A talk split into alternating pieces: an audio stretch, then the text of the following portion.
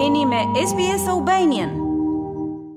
Kryeministri i Kosovës Albin Kurti vizitën e parë zyrtare për këtë vit e zhvilloi në Vjenë ku u takua me kancelarin austriak Karl Nehammer. Pas takimit në një deklarim për televizionin publik Kurti tha se janë të nevojshme më shumë takime mes Kosovës e Serbisë, pasi mospajtimet janë të mëdha. Jam me shpresë se në këtë vit do të ketë një angazhim më të madh të Bashkimit Evropian dhe Shteteve të Bashkuara të Amerikës, në mënyrë që të bëhet më shumë trysni mbi Beogradin, të ketë më shumë angazhim dhe plane për Ballkanin dhe në këtë mënyrë shteti normal i Kosovës, përveç se të jetë normal vetë, të ketë edhe marrëdhënie normale me fqinjin tonë verior. Kancelari austriak kërkoi normalizimin e marrëdhënieve Kosovë-Serbi. Ndërkaq në konferencën e përbashkët për media, Kurti tha se Kosova është e interesuar për dialog që përfundon me njohje reciproke për Asociacionin e Komunave me Shumicë Serbe, për të cilin tha se mund të adresohet në planin franko-gjerman, por gjithnjë në frymën e Kushtetutës që nuk lejon asociacion njëetnik. Kryeministri i Kosovës, Albin Kurti, mbajti sot një fjalim në Akademinë Diplomatike të Vjenës.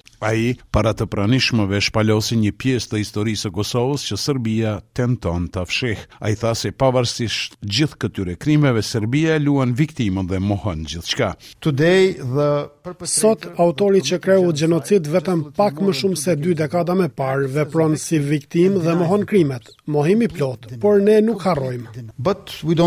Ai po ashtu shtoi se deri më sot në Serbi janë gjetur pesë varre masive në Batajnicë, Rudnicë, Kizhevak, Peruçac dhe Petrovo Selo, me gjithsej nëntëqind e pesëdhjetë trupa. Midis këtyre trupave ishin dyzet e gjashtë anëtarë të familjes Berisha, katërmbëdhjetë prej tyre nën pesëmbëdhjetë vjeç, mes tyre dy foshnje dhe një grua shtatzënë. Pranë varrit masiv është ndërtuar një kishë e re ortodokse serbe.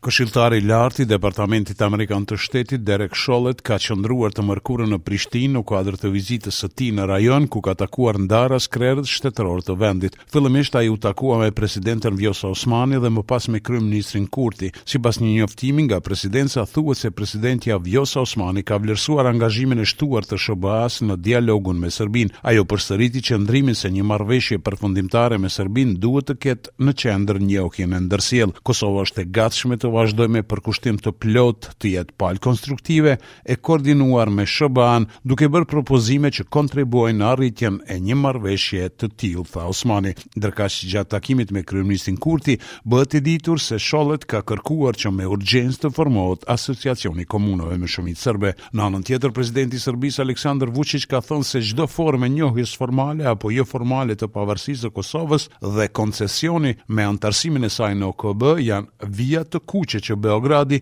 nuk do t'i kalojë. Vuçiç ka theksuar se të njëjtën gjë ia ka thënë edhe këshilltarit të lartë të Departamentit amerikan të Shtetit, Derek Chollet. Kohët e fundit ka pasur deklarata të shpeshta nga përfaqësues të Shteteve të Bashkuara të Amerikës për urgjencën e krijimit të Asociacionit të Komunave me Shumicë Serbe, por profesori i diplomacisë në Universitetin e Parisit, Valon Murtezaj, thotë se për Kosovën është shumë e rëndësishme që t'i dijë prioritetet e veta dhe se cilat janë vijat e kuqe që determinojnë edhe ruajtjen e kushtet tutshmërisë. Kosova duhet të angazhohet për marrëveshje finale. Të gjitha çështjet dilematike, shpeshherë edhe problematike, si çështja e Asociacionit, duhet të diskutohen në kuadër të marrëveshjes finale, edhe duke pasur parasysh që procesi i dialogut ka tanimë dhjetë, njëmbëdhjetë vite, kur ka filluar, tani është koha për të pasur një marrëveshje finale. Ndërkaq analisti Artan Muhaxheri theksoi se kërkesat e amerikanëve tashmë janë bërë të qarta për sa i përket çështjes së Asociacionit. Ndërsa në anën tjetër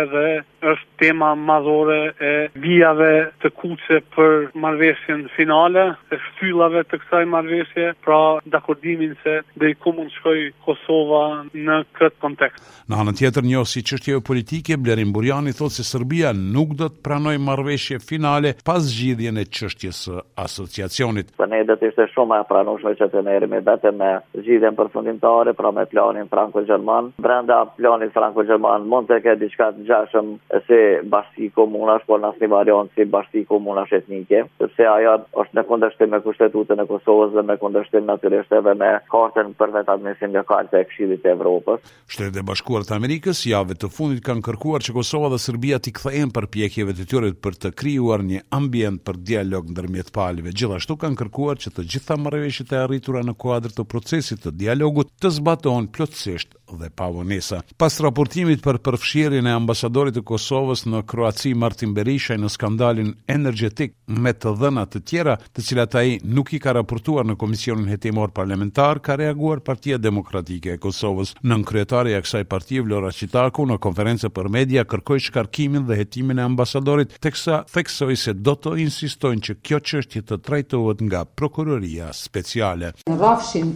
penal, kjo çështje do duhej të ishte prioritet për Prokurorinë Speciale. Në rrafshin institucional, ne vlerësojmë se kufiri i çdo lloj integriteti për zotin Berishaj tashmë është kaluar dhe largimi i tij i menjëhershëm nga detyra është përgjegjësi institucionale. Me shumicë votash, Komiteti për Liri Qytetare, Drejtësi dhe Çështje të Brendshme i Parlamentit Evropian ka votuar pro liberalizimit të vizave për Kosovën. Ky është votimi i parë në vargun e votimeve që pritet të ndodhin javët në vijim e që do çojnë deri te vendimi përfundimtar për heqjen e regjimit të vizave për qytetarët e Kosovës. Për Radion SBS Mendu Hysa, Prishtinë. Klikoni në like, ndani dhe komentoni SBS Albanian në Facebook.